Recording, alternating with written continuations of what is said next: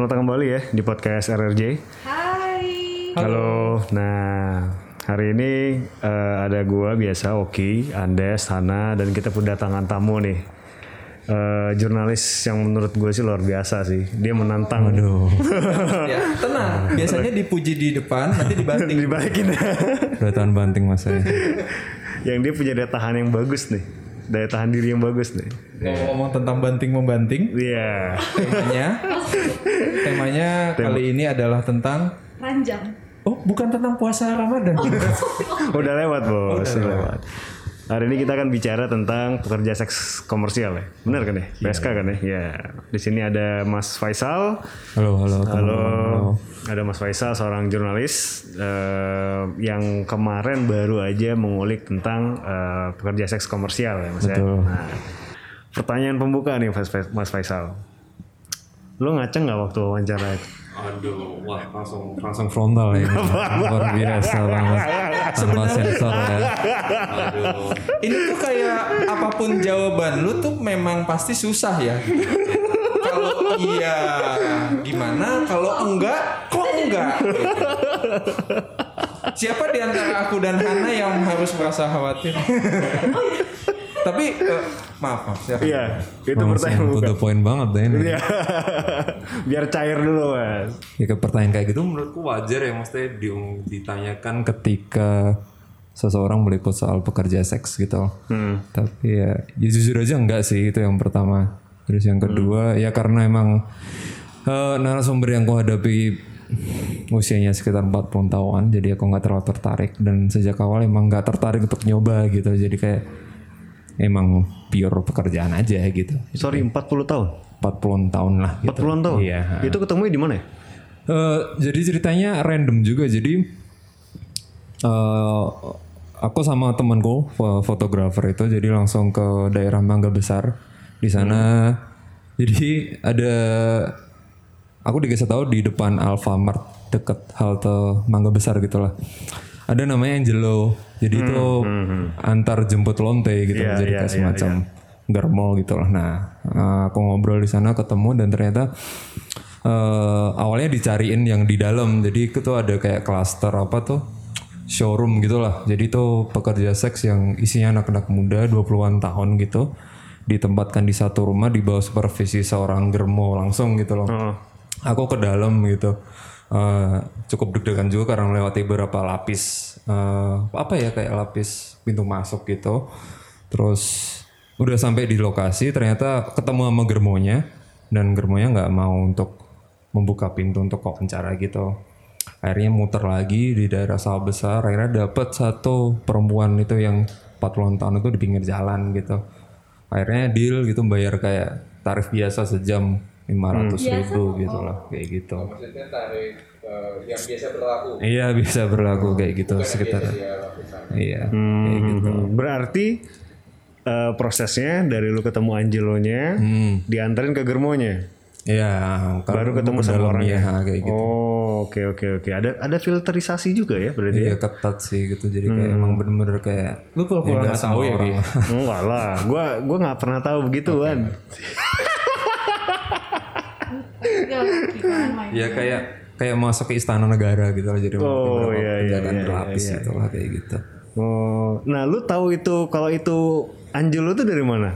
Eh jadi dapat info juga dari temen dulu dulu di kantor yang sama jadi dia sempat motret gitu nah terus dikasih tahu di situ sih kayak gitu Oh gitu, berarti emang udah ada info sebelumnya ya? Iya. Oh oke oke oke oke oke. Terus kalau misalnya dari sisi eh, pekerjaan yang lu eh dari dari hasil wawancara lu dengan si PSK itu tadi, em, gua nggak kebayang sebenarnya di umur dia 40 tahun. Itu apakah dia di umur 40 di sekitar umur 40 tahun dia mulai atau sebelumnya dia udah udah melakukan hal itu? Oh kalau sebelumnya dari wawancara yang kemarin aku lakukan sih dia kerja di karaoke ya jadi kayak Oh, mungkin semacam apa ya namanya LC, gitu lah ya LC gitu gitu oh buat nemenin biasanya nemenin Kayaknya kayak gitu sih macam LC gitu. Nah, ketika tempat karaoke-nya ya juga di daerah sekitar situ juga, ketika tempat karaoke-nya tutup, dia langsung terjun ke dunia pekerja seks tuh karena menurutnya nggak jauh beda sama LC LCan gitu lah jadi dia Oh. udah udah paham medannya kayak gimana gitu Hmm, hmm, hmm, hmm, hmm. Nah, Itu. kalau dari yang lu tahu nih, dia itu nyaman nggak bekerja begitu? Men- menariknya ketika pertama kali ketemu sama dia tuh pembawaannya benar-benar ceria gitu. Kayak ya dia emang seneng dengan pekerjaan kayak gini gitu. Dia lucu gitu dia godain gitu. Ya godain khas mbak-mbak pekerja seks gitulah. Ya sejauh sejauh yang ku tahu sih dia cukup menikmati ya ya meskipun nggak bisa dipungkiri ada beberapa kejadian yang membuktikan kalau pekerja seks itu rentan gitu. Jadi kayak dia sempat cerita eh, dia di mengalami kekerasan sama kliennya eh, ditampar terus eh, dia ada- pernah juga terancam kena begal gitu. Terus berantem sama ses- sesama pekerja seks kayak gitu rebutan klien gitu ya. ya dinamika dinamika dinamika kayak gitu ya tetap ada gitu. Tapi se- sejauh sepengetahuanku ngobrol sama dia tuh dia cukup senang gitu loh dengan ya bukannya senang juga ya kayak cukup nyaman gitu lah cukup cukup untuk apa ya ya ini dari awal kayak gini kayak gitu Karena memang pilihannya sendiri. ya. iya kalau pilihannya Terus sendiri kalau juga tadi eh, mengalami kekerasan, itu dia responnya gimana? Apakah dia bisa punya satu tempat untuk mengadu atau eh, s- eh, ini apa ya kayak kesulitan dari pekerja seks kan ya karena pandangan orang tab masih tabu juga jadi kan ketika mereka kena kekerasan ya udah nggak bisa ngapa-ngapain gitu loh Hmm, kayak ya siapa suruh gitu kan ya? iya ya itu kan respon yang bakal dikeluarkan oleh masyarakat kita Iya, gitu. iya, iya, iya, iya. Nah, salah satu yang bisa dilakukan adalah punya kayak semacam defense mechanism sendiri gitu. Jadi kayak dia harus bisa waspada ketika dia bekerja gitu. Terus dia harus bisa ngelihat mana klien yang brengsek, mana yang enggak gitu. Dan dia harus kayak dia sejak kejadian itu dia kayak punya kayak semacam standar sendiri untuk melindungi dirinya sendiri karena emang nggak ada perlindungan dari orang lain gitu. Standar apa misalnya? Eh, eh, itu tadi kayak semacam eh, apa ya kayak nggak mau main di tempat yang nggak jelas kayak gitu. Jadi kayak dia punya hotel tersendiri gitu, punya hotel langganan. Dia nggak eh, dia harus terima DP dulu kalau misalkan sistemnya kayak apa ya nggak ketemu langsung kayak gitu lah Oh, Kayak- oke, kayak oke, gitu lah. Kalau eh, germonya sendiri tuh ada peran ini nggak sih kayak melindungi? Jadi nggak cuma sebagai eh, penyedia kayak fasilitatornya aja, tapi juga ada eh, menampung atau gitu. ada sih peran-peran kayak gitu tuh di di dipegang back sama Germo tapi aku pikir nggak nggak semua Germo bisa kayak gitu. Maksudnya kan orientasinya tetap profit ya duit ya. Maksudnya nggak banyak Germo yang bener-bener care sama pekerja seksnya gitu. tapi yang se sepengetahuanku kemarin aku juga ngobrol sempat ngobrol sama Germonya dia juga tetap memperhatikan hal, -hal kayak gitu jadi kayak misal eh, si pekerja seksnya lagi terancam atau gimana dia dia datang gitu. Oh, Jadi kalau pembagian hasilnya Oh, gimana iya. dengan germonya? Eh, jadi kan ke- kemarin tuh per tarif katakanlah per jam main itu 500 ribu ya. Iya. Kemarin pengeluaran 500 ribu. Jadi eh, 100 ribu buat hotel kan masih ada 4 400 ribu. Nah 100 ribu lagi tuh dikasih ke germonya. Jadi eh, 300 ribu mereka dapat setiap kali main. Oh, gitu. Nah itu ya kalau mau ngasih tip juga nggak apa-apa. Kemarin aku ngasih tip juga sih untuk pekerja seksnya. Gitu. Tapi yang lebih lebih agak miris lagi yang di showroom gitu lah. Jadi showroom tuh dapatnya yang yang aku ceritain di awal tadi yang mbak-mbak di kayak ditempatin di kos atau di rumah di bawah supervisi langsung tuh dapatnya lebih kecil daripada yang di jalanan gitu. Oh gitu. Iya, karena harus baginya ke banyak pihak ke germonya, ke hotelnya. Jadi kira-kira mereka sekali main tuh dapat cuma dapat 150 ribu gitu. 150 ribu per jam. Udah dibagi, iya karena udah dibagi per jam sama per sekali keluar gitu loh kayak gitu. Oh, 150 ribu. Ya makanya kan sedih banget kan kayak gitu. Hmm, hmm, hmm, hmm.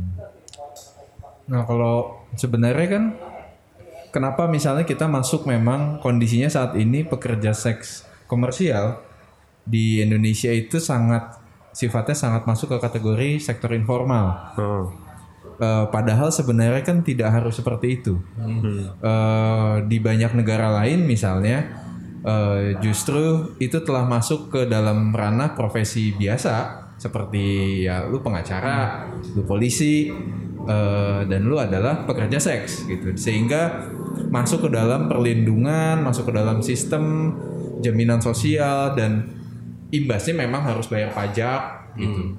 Eh, tapi eh, dia menjadi profesi yang yang setara dengan profesi lain yang juga formal sehingga ketika terjadi pelanggaran atas kesepakatan atau atas SOP yang telah disepakati itu mekanismenya jelas bisa lapor ke polisi yang melakukan pelanggaran bisa dihukum gitu kan Eh, itu sisi lain satu sisi ada jaminan misalnya seperti pekerja formal lainnya memperoleh jaminan hari tua Hmm, hmm. yang kita mesti ingat kan pekerja seks komersial itu yang dijadikan eh, komoditas itu memang sesuatu yang sifatnya memiliki usia eh, penggunaan gitu kan. Kalau itu adalah tubuh, tubuh itu berubah. Kayak tadi misalnya udah di usia hampir 40 gitu. Kemungkinan akan semakin tua semakin sulit mendapatkan klien yang eh, tertarik misalnya. Hmm. Oh, udah nggak cantik lagi. Oh, eh, eh, mungkin harganya ber- berbeda dibandingkan yang usianya masih eh, 20-an misalnya. Itu kan terjadi. Ya sebenarnya bukan cuma di pekerja seks komersial tapi di dunia modeling juga gitu. Karena kan hanya itu. Eh, ini berbeda misalnya di profesi lain yang sifatnya berbasis eh, talenta. Penyanyi misalnya mau sampai tua juga selama dia masih bisa menyanyi ini eh, tetap eh, penghargaannya atau eh, eh, harganya dia gitu nilai-nilai yang dia bisa peroleh itu eh, tidak tergantung menurunnya kualitas fisik misalnya. Iya, iya, iya. Nah, Indonesia itu eh, nasibnya memang jadi sangat informal karena sangat di luar sistem formal tadi. Jadi mau nggak mau menjadi informal.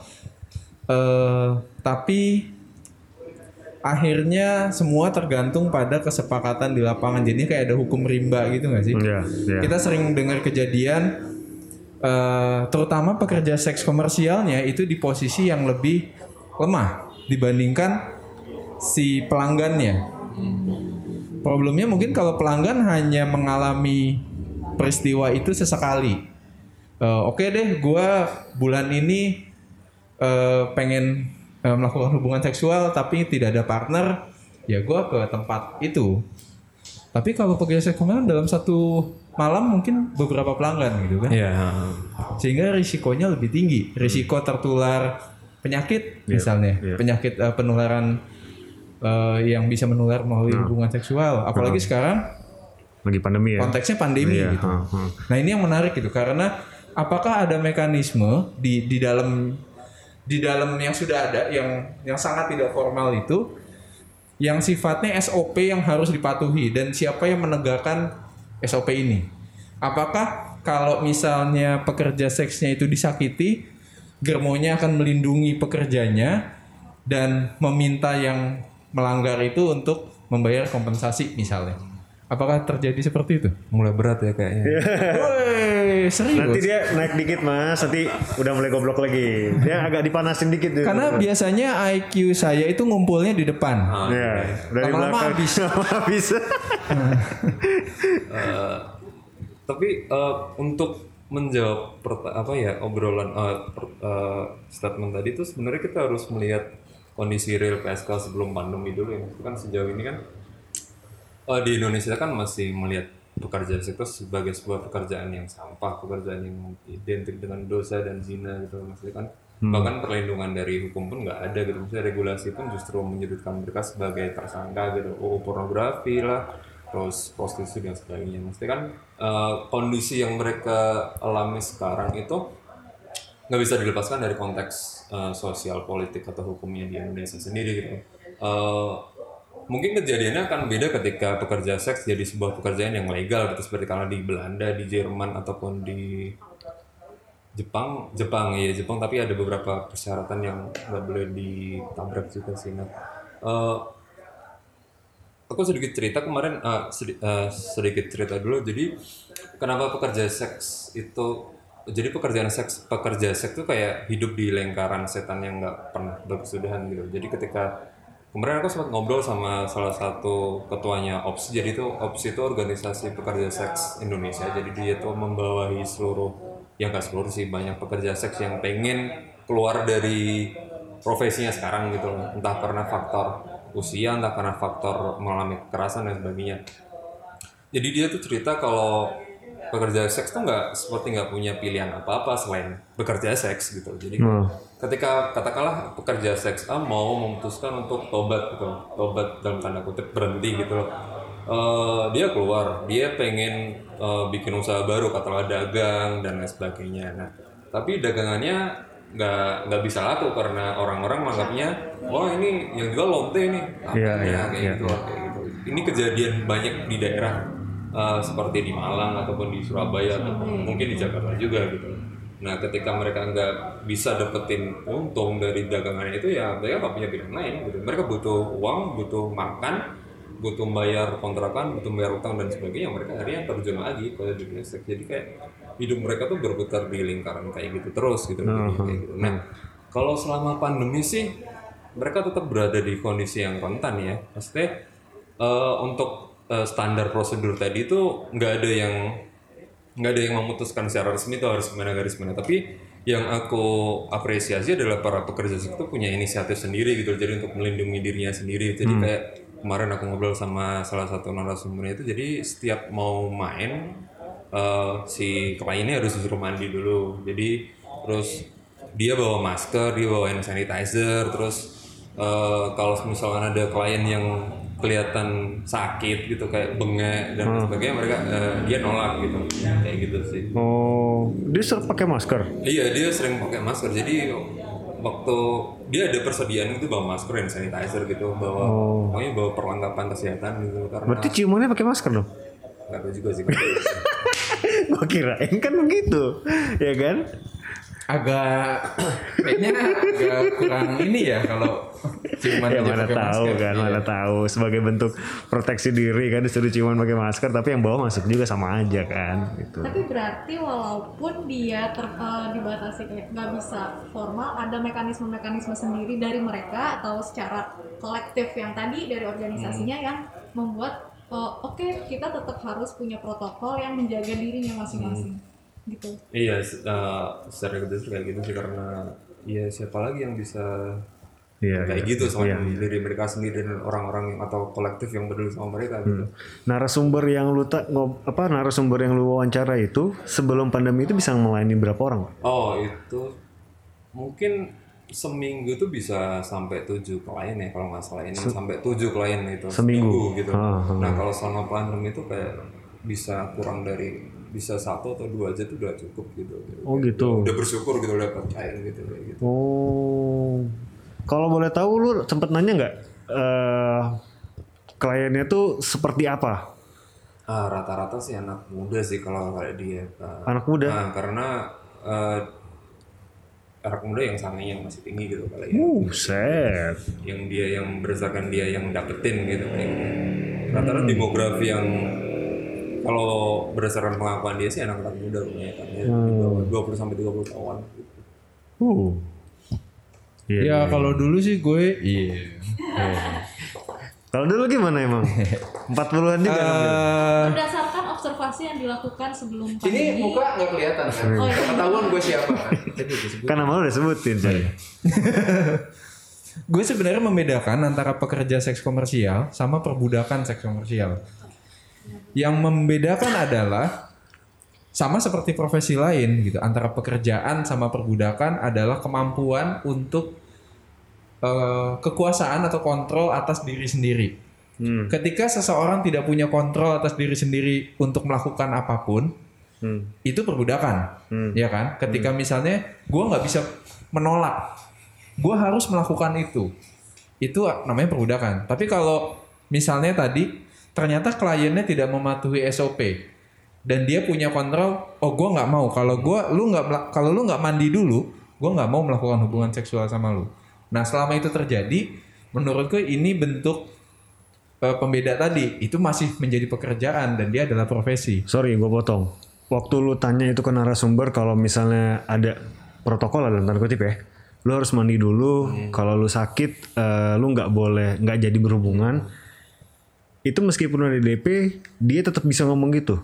Iya, iya eh, dalam artian duitnya dibalikin. Oh, dibalikin? Jadi ha kayak gitu. Oh gitu. Dia nggak mau ambil risiko juga karena kan daripada kenapa-napa dan nggak ada yang ngurusin gitu malah tambah buruk ya mereka. Tapi waktu lu wawancara ke narasumbernya sempet nggak ada yang dalam tanda kutip dia itu berontak si kliennya. Dalam artian kayak gue udah bayar kenapa lu nggak mau kayak gitu. ada Oh, nggak nggak? ada sih belum ada. Nggak ada. ya? kayak gitu Berarti sih, dalam masa pandemi ini dia menerapkan itu Hmm. eh, ketika ternyata si narasumber ini dia menolak si kliennya juga nggak berontak gitu kan ya. Selama ini yang lu wawancara itu belum ada seperti itu ya. belum ada kasus Ya, kayak gitu. Ki, kalau gua jadi si pekerja seks komersialnya ya, kalau gua dapet klien yang rese itu, gue tinggal batuk-batuk aja. Iya. Pulang nggak lu gitu? Mau nggak dia ngambil risiko? Iya gitu iya kan? iya iya iya iya. iya. Kalau gua Bener bener juga bener juga bener. Masuk akal masuk akal masuk akal. sekarang malah mungkin senjatanya agak lebih kuat gitu ya. iya bohongnya juga lebih ini ya. Ya kalau Iya, iya, kalau iya. misalnya gue nggak mau berhubungan sama, tapi ini kan penting ya, maksudnya kendali untuk mau atau tidak ber- berhubungan badan tetap harus konsensual kan. Hmm. Karena kalau tidak konsensual, tidak setuju sama setuju, itu bukan transaksi, itu Iya. itu ada Pemaksaan. itu pemaksaan. Nah si narasumber yang lu ini tuh punya keluarga nggak? Maksudnya dalam arti dia punya suami atau punya anak? Oh dia eh, jadi dia tuh datang dari Padang ya. Ini agak menarik juga karena Padang kan kita tahu sangat konservatif dan agamis tapi ada yang memutuskan bekerja seperti ini kan. Biasanya cenderungnya ketika yang muncul adalah sebuah wajah A, biasanya muncul ekstrim yang lain yang Iya beda. sih kayak gitu sih. Makanya agak kaget juga Iya kan? Nah dia tuh sebenarnya punya keluarga dia anak terakhir gitu. Nah kakaknya tuh di Tangerang gitu kan. Dan di sama kakaknya tuh keluarga itu belum nggak tahu sama sekali kalau dia bekerja. Baru tahu. Oh dia si si narasumberku tuh berusaha menutupi karena dia nggak pengen uh, keluarganya mungkin malu, keluarganya mungkin ngira apa-apa. Nah si kakaknya tuh sempet yang di Tangerang tuh sempet nawarin, eh ayo ke Tangerang aja daripada kamu nggak ada kerjaan di sini kan gitu. Nah si tapi si narasumber tadi tuh nolak karena dia dia nggak mau kayak repotin tuh yang pertama, yang kedua dia nggak mau kayak bawa jadi carrier gitu, loh, carrier carrier virus. Karena dia kan tinggal di zona merah kan di Jakarta kan itu sih. Jadi Hmm. ada keluarga cuman dia tetap berusaha untuk menjaga jarak gitu loh Oh oke oke berarti nggak ada yang tahu ya? nggak ada Tapi berarti kalau yang di Jakarta ini dia tinggal sendiri, nggak ada tinggal sendiri atau kontrakan atau kos kosan gitu iya Hmm. Yang menyedihkan sebenarnya itu sih bahwa seseorang eh, di bawah tekanan untuk tidak tidak mampu menyatakan profesinya atau identitasnya, bagi kita itu ada sesuatu yang salah gitu. Hmm, hmm, hmm. Karena justru ini ini yang krusial gitu. Sama seperti aku mau mendeklarasikan ya gua ini eh arsitek profesinya. Aku arsitek kan tadinya. Tadinya. Sekarang menjadi pengusaha sambal. Jual sambel ya. Linknya tetap ada di bawah ya. sponsor. Tapi maksudnya hak kan itu kan. Iya. Hak untuk punya nama, hak untuk punya wajah, hak untuk punya profesi. Misalnya dalam dalam eh, di Jepang misalnya profesi itu sangat erat kaitannya sama eh, entitas seseorang gitu. Seseorang itu biasanya di, di disertai dengan profesi. Nah, ketika dia bahkan sama keluarganya sendiri tidak mampu terbuka bahwa saya profesinya adalah ini. Berarti kan ada ketidakadilan di sana gitu. Karena karena apa yang dilakukan oleh oleh eh, Narasumbernya. narasumbernya itu kan sebenarnya haknya dia mau melakukan apa atas dirinya, tubuhnya dan jiwanya eh, selama itu eh, pekerja ya, bukan perbudakan. Tapi kok harus malu gitu loh. Ya, ini kita kembali ke pembahasan yang lebih receh. Ke si narasumber yang lu wawancara itu merasa puas nggak? Maksudnya secara berhu- pas ketika berhubungan. Nggak Menemukan puncaknya sih. nggak? nggak selalu sih maksudnya ya ya sama kayak manusia pada umumnya kan nggak nggak bisa selalu untuk rasa klimaks atau orgasme jadi emang mungkin Oh. ada beberapa kasus yang bikin dia ah biasa aja karena udah mungkin jadi pekerjaan kan gitu. ada mungkin beberapa yang eh, bikin dia emang benar-benar terkesan gitu jadi emang nggak selamanya merasa puncak terus kayak gitu Oh, oh, oh. Pertanyaannya lebih spesifik. apa tuh? Dia pernah jatuh cinta nggak sama salah satu pelanggannya? Menarik tuh. Berapa? Betul tuh menarik tuh. Jadi punya ikatan emosional. dia berusaha untuk berjaga jarak. Dia dia sempat ngomong kalau dia pengen punya pasangan tuh yang enggak di dunianya gitu. Jadi kayak gitu. Dia dia pengen benar kayak bikin semacam batas gitu. Jadi emang kalau emang dia pengen jatuh cinta ya dia harus cari dari luar gitu loh. Kayak gitu. Kenapa? Apakah karena misalnya laki-laki yang terlibat dalam dunianya biasanya di posisi pelanggan dan dia tidak mau memiliki pasangan yang melakukan itu. Yang misalnya ya eh, berhubungan seks secara komersial. Dia pengennya enggak, gue pengennya tetap kalau gue punya suami itu yang juga sesuai apa ya konsepsi eh, idealnya Si Nar- tadi ya, si iya, orang tadi ya. misalnya pegawai atau tentara atau eh, PNS, arsitek, gitu. Eh, Sempat cerita nggak? Eng- eh, enggak sih tapi alasan kenapa dia pengen punya pasangan di luar dunia karena kalau misalkan dia ingin berhenti itu dia ada semacam uluran tangan yang dekat gitu loh. Jadi kan kalau misalkan Iya iya. jadi dia mengibaratkan kalau punya pasangan atau mungkin jatuh cinta sama kliennya itu kayak jadi sesuatu yang sangat tricky gitu karena dia mungkin nggak bisa keluar dari dunianya kayak gitu loh. Iya, kalau iya, suatu iya, saat iya. menginginkan, Iya, iya, tapi kan akan jadi beda kondisinya kalau misalkan dia punya eh, punya pasangan dari luar dunianya. Jadi ketika dia membayangkan kalau dia pengen keluar ya aku ada semacam pegangan di sini. Jadi nggak nggak harus lihat ke belakang terus kayak gitu sih. Berarti apalagi dengan gambaran tadi misalnya usianya udah 40 tahun. 40 gitu. Berarti memang memang cukup kuat kesan keinginan untuk dia mau keluar dari Mm-mm. profesi yang selama ini dijalani. Iya sih karena se- ini juga dia kemarin waktu kami ngobrol tuh dia sempat bilang kalau dia lagi bisnis baju di Instagram gitu ya meskipun eh, belum laku banyak tapi dia udah nyicil pelan-pelan gitu loh. Karena yang ya, ini udah jadi kayak gambaran umum di dunia pekerja seks ya karena ketika umur muda 30 tahun ke atas tuh kamu udah nggak bakal banyak laku gitu. Jadi emang sekitar usia usia laku tuh ya 20-an sampai 25-an itu usia usia masih kayak gitu. Masih punya langganan nggak dia?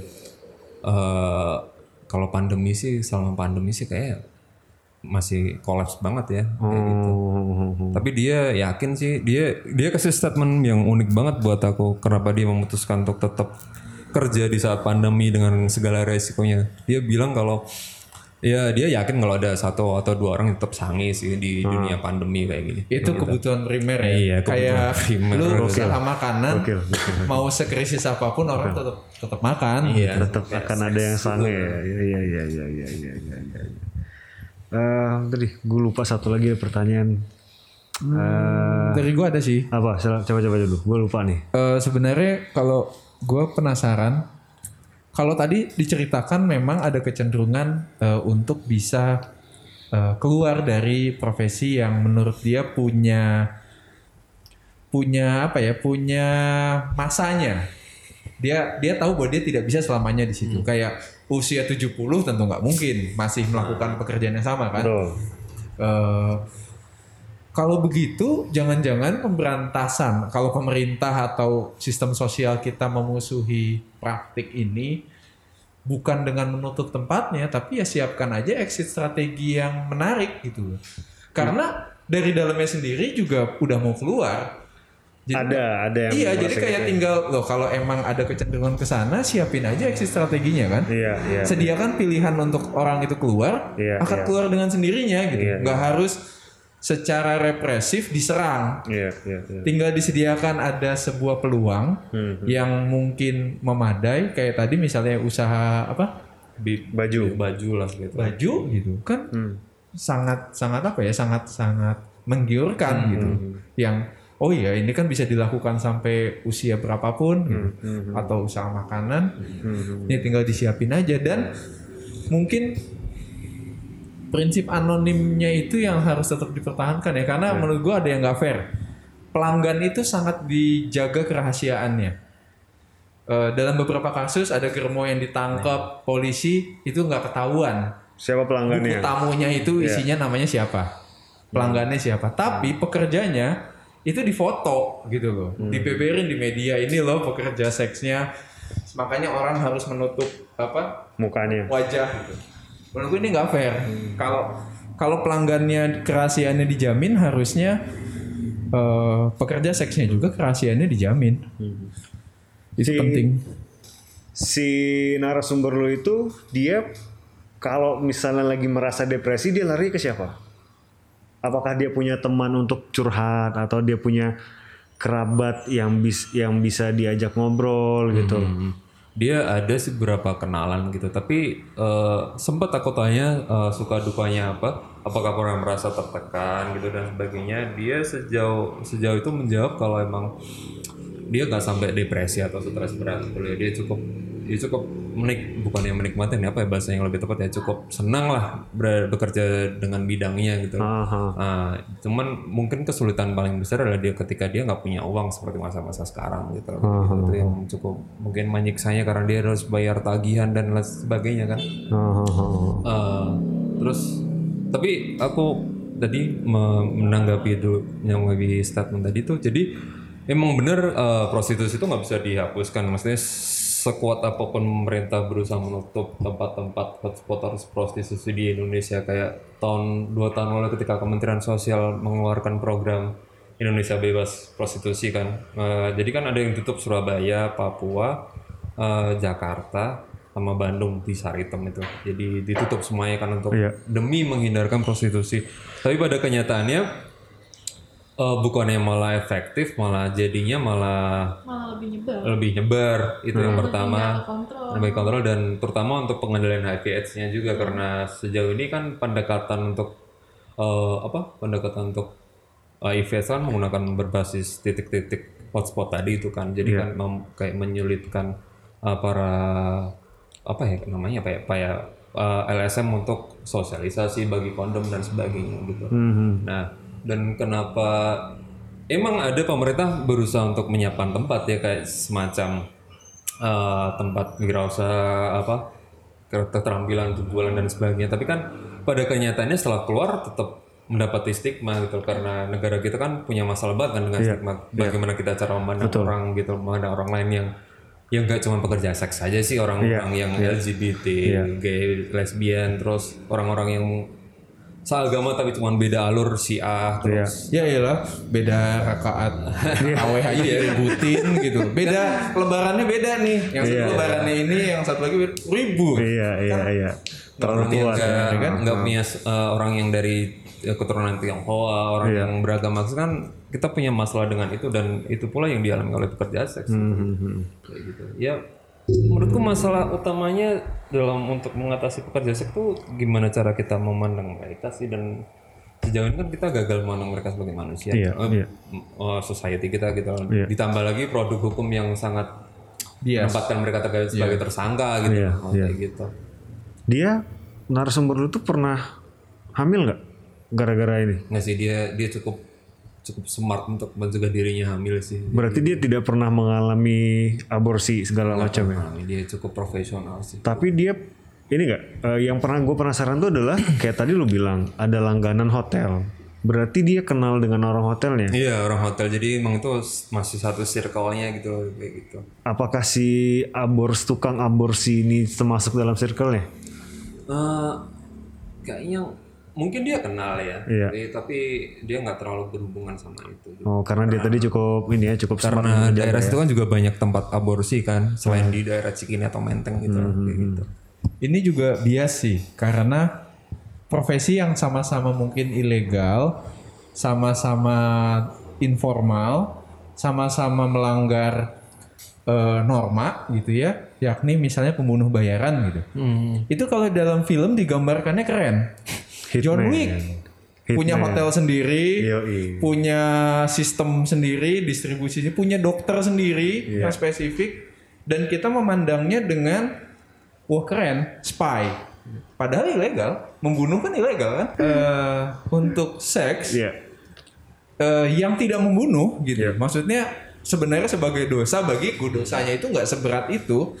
Itu justru digambarkan sebagai sesuatu yang jauh lebih tabu, jauh lebih lebih di apa ya ditutup-tutupi. Sehingga kayak aku bertanya gitu, ada nggak sih dokternya dalam dunia itu yang tetap menjalankan profesi dokter di dalam satu kondisi yang yang mungkin eh, dapat stigma yang tidak baik gitu. Tapi kan profesi itu sangat perlu dokter. Misalnya jika ada penyakit menular, Yep. gimana mengatasinya? Iya. Terus eh, masalah infeksi saluran eh, apa eh, pencernaan dan sebagainya gitu. Belum kalau mengalami kekerasan. Hmm, hmm. Nah, Tadi kan ada yang tampar, ada yang kliennya ada psycho gitu. Itu sangat perlu profesi dokter. Mau juga profesi lain psikolog misalnya pendamping. Iya. Kalau dari LSM setahu eh lu, setahu tuh apakah ada yang yang apa bekerja dalam sunyi tapi bagiku itu itu keren banget tuh kalau ada gitu. Sama satu lagi pertanyaannya, nyambung itu juga. I- narasumber tuh ada ada ngecek gak kalau dia terinfeksi eh, HIV Ada- ada atau cek enggak? rutin gitu. Iya, ha. Oke oke. Eh, jadi eh, permasalahan setiap kelompok yang termarginalkan adalah akses ke atas yang akses untuk mendapatkan fasilitas kesehatan. Infrastruktur ini ya. Nah, Karena aku dulu sempat wak- jadi sempat ngeliput soal eh, bikin laporan indip soal kelompok LGBT. Jadi eh, jadi ketika mereka ingin berobat atau mereka ingin eh, konsul ke rumah sakit atau puskesmas, mereka tuh juga mendapatkan stigma dari dari pekerja kesehatannya sendiri gitu. Jadi kayak jadi satu-satunya harapan untuk mendapatkan akses atau hak kesehatan mendasar mereka tuh dari LSM gitu. Jadi sejauh ini ter- pun juga terjadi dengan pekerja seks gitu. Jadi ketik eh, negara tuh anjir berat banget ya negara bahasanya. pemerintah tuh, pemerintah tuh kayak untuk Kita nih dari tadi gelombangnya tuh kayak receh, receh. Iya, iya, iya, iya, iya. iya. Jadi pemerintah selama ini ya meskipun selalu berdalih ya kita udah peduli dengan bla bla bla tapi kan pada kayak pada realitanya mereka tetap nggak bisa melihat secara menyeluruh kalau kondisi kayak gitu jadi cek rutin enggak terus bansos juga nggak dapat karena faktor domisili juga kan. Jadi kan kalau bansos di, di selama bansos pandemi kan mekanisme berdasarkan domisili kan dan karena mereka KTP-nya nggak Jakarta mereka nggak dapat gitu Oh, Ini ini peluang ya kalau buat LSM atau komunitas yang emang niat mau membantu, sebenarnya ruang itu ada ya. iya ada ada banget Mereka perlu kan bantuan dalam hal itu gitu. iya Dan komunitasnya juga besar. Dan dan iya ada gitu real gitu. Di tiap kota ada, di tiap distrik bahkan. mereka Kita tuh bisa ber- berkomunitas ya. Maksudnya, maksudnya berkomunitas dalam artian apa ya? Ber- bareng-bareng di dikelola oleh si Germo tadi ya? Atau atau Germo dia hanya sebatas, sebatas profesionalitas dalam hubungannya penyedia Eh, penyedia dan pelan- perantara. ya, peran- eh, pencari Oh iya, ha. jembatan atau, itu. Atau mereka eh, dalam satu kelompok yang saling cares antar sesama. gitu. semacam paguyuban. Iya, ha. kayak gitu. nggak? Kalau dulu sebelum tempat prostitusi ditutup tuh mereka hidup berkomunitas gitu mereka berjejaring tapi kan semenjak prostitusi itu banyak yang ditutup tapi kan mereka pindah mencar gitu Iya. jadi kan sekarang hidupnya lebih ke sendiri-sendiri aja nah Hmm. kalau untuk soal germo sama hubungan tadi ke eh, sebatas profesional aja sih kayak gitu. Oh gitu. Ya, germo butuh duit, eh, lu butuh pekerjaan ya udah kayak gini aja kayak gitu. Iya iya iya iya. iya. Nah, kalau misalkan yang sekarang banyak sistem open BO yang nggak eh, datang langsung ke tadi kan ada rumahnya, terus eh, ada kamar-kamar langsung, itu dia ada sistem germo sih. Nah itu maksudnya yang sifatnya kalau Online. kalau arsitek nih arsitek independen, nggak bekerja sama ya freelance freelance eh, freelance mandiri. Kalau open BO sih ah, nggak ada germo sih. Maksudnya aku sempat ngobrol sebelum ditipu tadi ya. Maksudnya sempat ngobrol mereka mereka tuh biasanya orang-orang yang lebih muda, orang-orang lebih melek teknologi. Jadi mereka manfaatkan media sosial apa pun itu Instagram, WeChat dan sebagainya untuk menjaring klien di luar pekerjaan eh, pekerjaan utamanya sebagai katakanlah tukang pijet gitu. Jadi kayak gitu. Mereka lebih bergerak independen sih menurutku. Jadi emang nggak terikat siapa-siapa aja. Tapi eh, apa ya risiko terbesar dari praktik open BO adalah ya lo bisa ditipu itu aja sih karena Kedua belah pihak ya. Iya. Maksudnya bagi si pekerjanya juga punya risiko kalau kliennya ngapa-ngapain tidak ada sistem Iya, yang mensupport si pekerja ini bagi eh, pelanggannya juga ngambil risiko karena Iya, bisa ditipu kayak gitu. uang udah ditransfer ternyata tidak ada kabar Ada kabar kayak gitu Emang nggak bisa sistem kayak COD gitu? COD. Macam mana COD? Ada sih mungkin beberapa kayak gitu ada GoPay sih. aja apa mau pakai sambel Nah, ta- tadi tadi Bapak nyebut sempat ditipu emang gimana ceritanya nih bisa Eh, jadi itu ya sempat ngobrol awal-awal eh, karena kan aku butuh dua narsum dua cerita gitu Eh, praktik pekerja seks konvensional dan praktik pekerja seks yang udah mengalami pembaruan kayak open BO gitu Iya.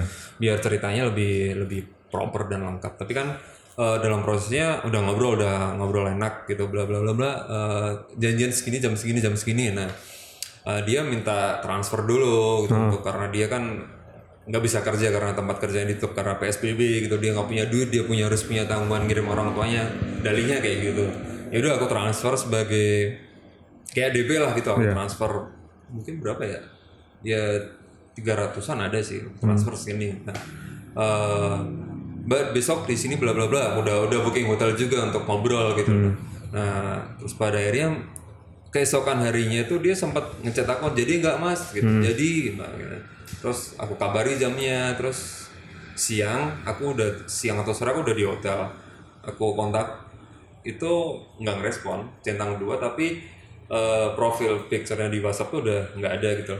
Jadi Oh, wah, iya ini iya. aku udah feeling buruk ini. Jadi Iya. aku chat lagi nggak ada ini jangan di blok emang benar Iya. di blok gitu loh Oh. nah, terus temanku nge-trace eh, tracking Instagramnya ketemu gitu loh aku DM mbak jadi nggak nih nih aku udah di hotel kasih nah nggak lama kemudian Instagrammu di blok juga gitu aku telepon nggak bisa bla bla bla ya udah emang kena itu Ya gitu.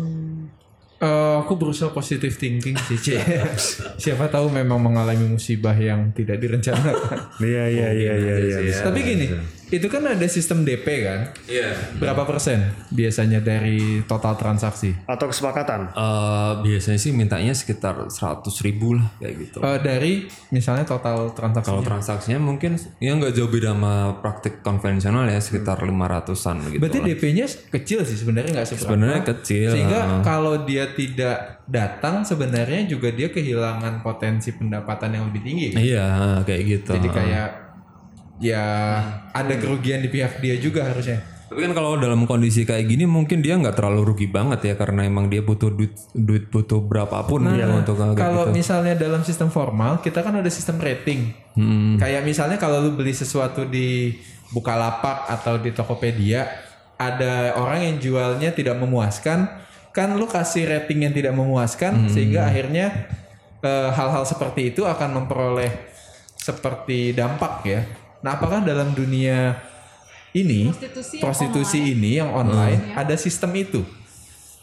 Rating, reputasi. Jadi kayak orang kalau sering nipu pada akhirnya kan akan kehilangan reputasi. Lu jangan sama dia, dia mah gue ketipu tiga kali gitu misalnya. Ada sih kayak gitu ada karena bahkan mungkin lebih jauh brutal ya. Maksudnya maksudnya brutal adalah bahwa eh, mungkin bisa diancam dengan sebagainya ketika si pekerja seks yang di online ini eh, menipu banyak beberapa kali gitu. Jadi kayak semacam di blacklist di di forum-forum tertentu gitu lah. Ada sih kayak gitu. waktu akhirnya memutuskan untuk menghubungi eh, yang bersangkutan itu lo apa lihat dari review dulu atau gimana sih Ca? Enggak sih. Awal? jadi kalau eh, untuk itu melibatkan beberapa orang ya karena kita nggak bisa ngakses pekerja seks secara mudah gitu loh, baik di dunia offline maupun online gitu. Jadi emang harus melewati beberapa berlapis. Jadi itu waktu di online itu dapat dari temen gitu loh. Jadi kayak temennya tuh udah temen yang keberapa gitu. Oh ini ini ini si temen yang keberapa ini bilang ini dulu kerja di sini. Terus sampingannya ini open BO juga ya udah dikasih ke temanku. Nah, temanku dari temanku aku dapat kontak itu kayak gitu. Ini peluang loh sebenarnya buat yang tukang bikin aplikasi dan sebagainya. Ini kalau dibikin karena akan akan jadi simbiosis mutualisme. Iya. pelanggannya juga dapat perlindungan karena ah, ada sistem rating Eh, si pekerjanya juga dapat perlindungan karena terekam kan kayak pelanggannya siapa kalau dia melakukan kekerasan juga si pekerjanya bisa ngasih rating buruk sama pelanggannya gitu Hmm. Emang perputarannya itu gede banget gitu, maksudnya perputaran duit di eh, dunia seks ini sangat gede banget. Tapi kan pada akhirnya kita nggak bisa mengolah itu. Cuman karena Terbatas sifatnya regulasi ya itu karena sistem sosial yang ada memang membuatnya menjadi selalu rahasia dan dan tersembunyi. Jadi nggak bisa ada sistem terbuka seperti itu. Ya cuman Ali Sadikin aja yang mungkin bisa paham kalau bisa diolah sih. Eh, mereka KTP-nya mana? Eh, kebanyakan sih di luar Jakarta. Oh, jadi mereka datang sebagai pekerja dari luar daerah rata-rata. Itu juga menyulitkan untuk dapat untuk dapat bagian dari sistem perlindungan yang ada karena tidak tidak legal ya gitu. Pada akhirnya tidak tidak bekerja sesuai dengan eh, KTP atau domisili. Ya sebenarnya bisa disiasati dengan asalkan proses itu nggak ditutup gitu. Ketika proses itu nggak ditutup tuh jadi kayak LSM tuh kesusahan untuk mendata gitu. Jadi ketika mereka LSM tuh nggak bisa ngedata ya mereka nggak bisa ngasih ke pemerintah. Bisa nggak sih? Misalnya gini kayak dulu kan ada juga kasus misalnya ketika orde baru eh, tidak mudah juga eh, ketika lu punya agama di luar yang lima itu lu harus masuk aja dulu di KTP ditulis sebagai bagian dari lima yang legal. Dan secara legal dia masuk ke sistem itu. Diakui oleh negara tapi ya ya udah gue nebeng nih. Kayak Konghucu kan dulu nebengnya ke ke ke budak gitu nah mungkin nggak sih pekerja seks komersial untuk ngakalin ini masuk aja ke bisnis hiburan misalnya Atau kayak karyawan hotel kan dia kan pas katanya tadi hotelnya udah pasti. masalahnya nggak bisa ada formal ya tapi kayak ya udah saya bergerak di UMKM eh, bisnis hiburan misalnya Hmm. dan akhirnya pemerintah daerah itu me- me- melabeli mereka masuk ke dalam kategori itu Hmm. sehingga selesai itu masalah tidak perlu diakui mungkin profesi pekerja seks komersial sebagai profesi tapi Setidaknya mereka bisa punya kesempatan untuk dapat jaminan sosial. iya masuk ke dalam sistem yang memberikan perlindungan lebih tinggi Berat, berat, berat, berat, udah. Berat yang, yang berat, berat, yang berat, berat udah dulu. Sekarang Oh, balik ini- yang kelecehan nih. Balik yang kelecehan balik yang kelecehan. Dia, dia ngodain lu nggak? Waktu Godain wawancara. tetep lah. Godain. Ha, ha. Dia apain, Bos? Jadi eh tar lu kenapa nggak nanya dia godain Kan tadi udah gue tanya, kata dia dia kan gak tertarik. Sekarang gue balik. Dia godain lu apa enggak? gitu. godain sih. Godain. Dia apain? wah ini frontal banget. Ya. Balik lagi ke yang paling bawah nih. Kalau tadi kan udah tinggi-tinggi. iya kan? Jadi waktu sesi foto itu kan aku di dalam kamar mandi gitu. Nah si si narasumberku tuh berpose gitu loh di diarahin untuk pose kayak ini saya gitu. Nah tiba-tiba si yang bersangkutan tuh nyeletuk ke aku gitu loh. Eh bang jangan coli ya di dalam nggak gitu. Kayak gitu. oh di sini aja gitu aja ntar gitu kayak gitu guyonan-guyonan ya kayak gitulah. bantuin sini Nah, macam itulah. Eh tapi lu sendirian apa? Dua orang sama fotografer kan buat foto. eh berarti sebelumnya lu udah deal dengan dia dan dia tahu. Oh, maksudnya eh, lu minta waktu dia bukan untuk berhubungan tapi untuk wawancara. Oh, ah, dia dia bersedia gitu sama dia Oh. sama gitu.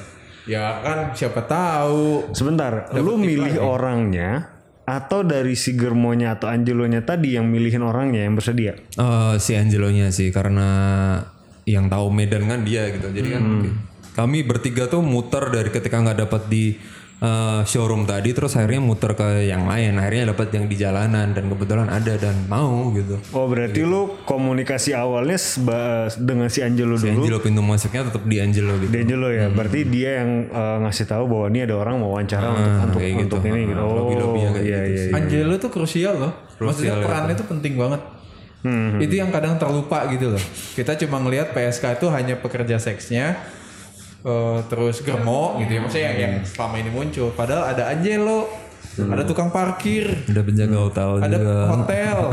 Hotelnya itu hotel bintang 5 atau hotel Enggak, personal? hotel-hotel rodeo gitu hotel hotel yang emang buat esek-esek gitu. Jadi emang yang bintang lima beda ini ya beda beda plat. Ya iya. Sempet nanya tentang itu nggak? Yang masalah selebriti selebriti gitu, yang udah gini. enggak sih tapi sempet eh, sempet nanya dia di- kenapa dia nggak open bo aja gitu katakanlah lewat online gitu karena dia juga takut kalau misalkan ditangkap dengan jerat pasal prostitusi online kayak gitu. Oh iya iya iya iya iya iya iya. iya. Ternyata lebih aman dengan konvensional ya, walaupun ya tadi kepotong lebih banyak. Tapi dia merasa lebih aman walaupun juga nggak secara legal dia punya jaminan sosial perlindungan itu. Hmm, ya mungkin iya lebih lebih paham Medan sih lebih tepat sih lebih tahu jalannya gimana sih meskipun resikonya tetap tinggi juga dan banyak gitu. Apa perasaan dia ketika lu wawancara? Dia sempat ngasih tahu nggak kayak gue baru kali ini nih gue diwawancara kayak begini gitu. Oh, sayangnya dia udah sebelumnya udah diikut jadi narasumbernya si siapa tuh yang bikin buku Jakarta Under Oh, Jakarta Undercover. si Oh, Muhammad MK siapa lagi iya, iya, dia sempat iya. cerita kalau dia dulu sempat jadi kayak narasumbernya oh dulu saya juga sempat diwawancari buat buku senior berarti ya. iya berarti udah lama banget ya di dunia begitu ya. ya udah senpai gitu lah dia Oh, senpai. Iya, iya, iya, iya, iya, iya. iya. Master. Master, master. Andes. Saya mau belajar. Oh, baik. Jadi apanya? Ya kan ilmu bisa dicari di mana aja. Oh iya, iya, iya, iya, iya, iya. Itu ilmu yang penting juga gitu. Iya, iya, iya. Kan iya. uh, for research purpose ya. Research purpose. Harganya dari awal dia bekerja seperti itu naik atau malah nurun atau sama aja? nggak ada terlalu perbedaan signifikan sih ya sekitar segituan aja sih Oh, bisa nego. bisa tapi dia tetap udah pas lah gitu ya biasalah nggak mau nurunin dikit gitu tapi ya udahlah daripada nggak dapat kan akhirnya ya udah sepakatin aja. Bisa melayani fantasi-fantasi klien yang aneh-aneh nggak? Kalau dia? Atau atau maksud gue apa dia pasrah aja dengan klien jenis klien yang seperti apa pun? Atau ada tarif yang berbeda? Ah, iya, apa ada tarif yang berbeda? dia nggak ada nggak nggak pernah matok tarif yang beda ya maksudnya tahu tapi dia sem- dia terbuka untuk preferensi gaya apa aja preferensi fantasi apa aja gitu dengan tarif yang sama gitu Dia menyediakan alat juga nggak? nggak sih dia nggak sesophisticated itu sih Oh, iya, iya, iya, iya. Kecuali alatnya dibawa oleh pelanggan. yang pelanggan sih Iya, iya, iya, iya, iya, iya. iya. Bisa di rumah nggak? Di rumah pelanggan. nah dia nggak mau ambil resiko kayak gitu. Karena kendalinya dia lebih sedikit ya. Iya. Kayak kalau di rumah pelanggan kan pelanggannya bisa kan kenapa aja. kenapa gitu loh.